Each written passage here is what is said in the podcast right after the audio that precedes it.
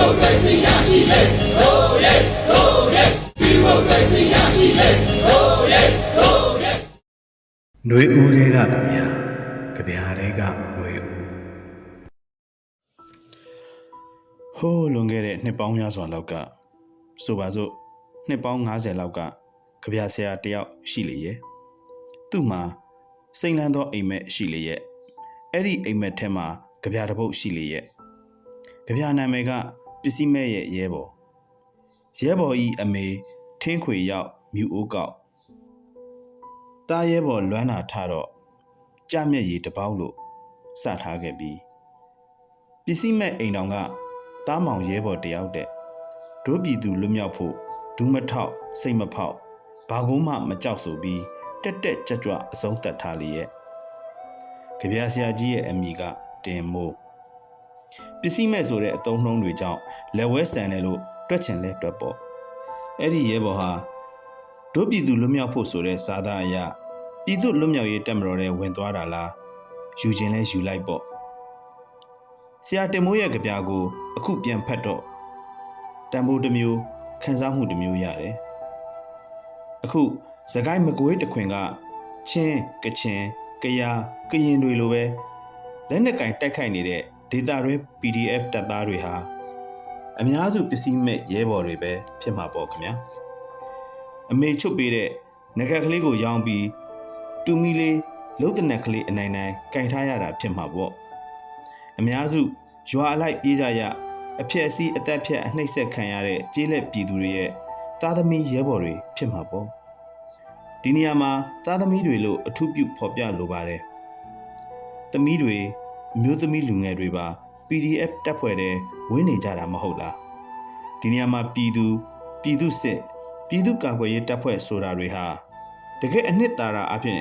တကယ်ပြည်သူကိုအခြေခံတာမှန်ပေမဲ့လက်တွေ့အသုံးတွေအရာပြည်သူမဟုတ်တဲ့အုပ်စိုးသူနဲ့အာဏာရအစိုးရရဲ့တောက်တိုင်ဖြစ်တဲ့ပြည်သူစစ်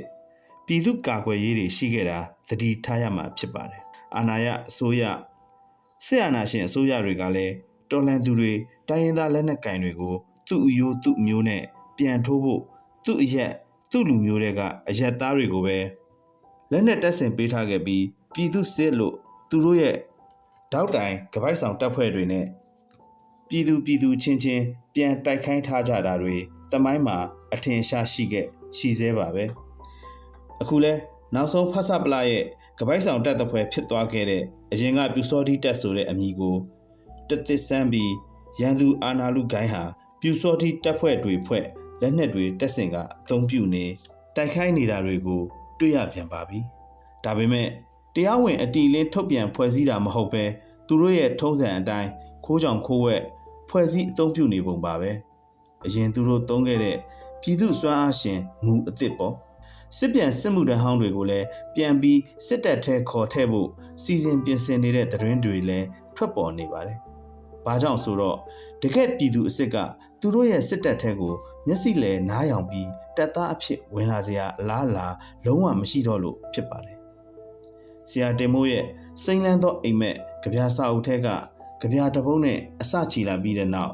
ဒီနေ့နှွေဦးတော်လန်ရေးကြပြာတပုတ်စီဒီလိုပြန်လှည့်လိုက်ချင်ပါတယ်။နှွေဦးတော်လန်ရေးမှာကြပြာဆရာတယောက်ရှိလေရဲ့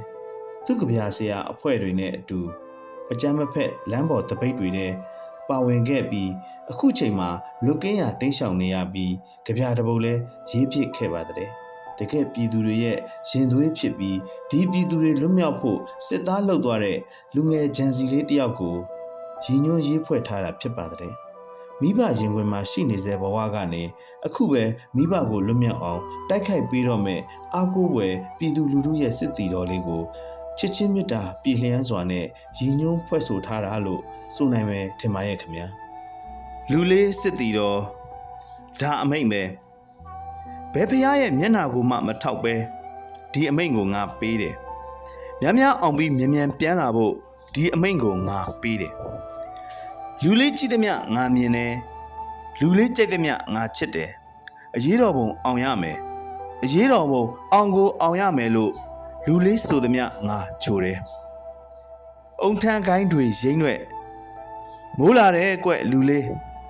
လေးလာတဲ့ကွလူလေးမိုးတွေမှောင်လာရင်ကြောက်တတ်တဲ့ဟိုးအရင်လူကလေးက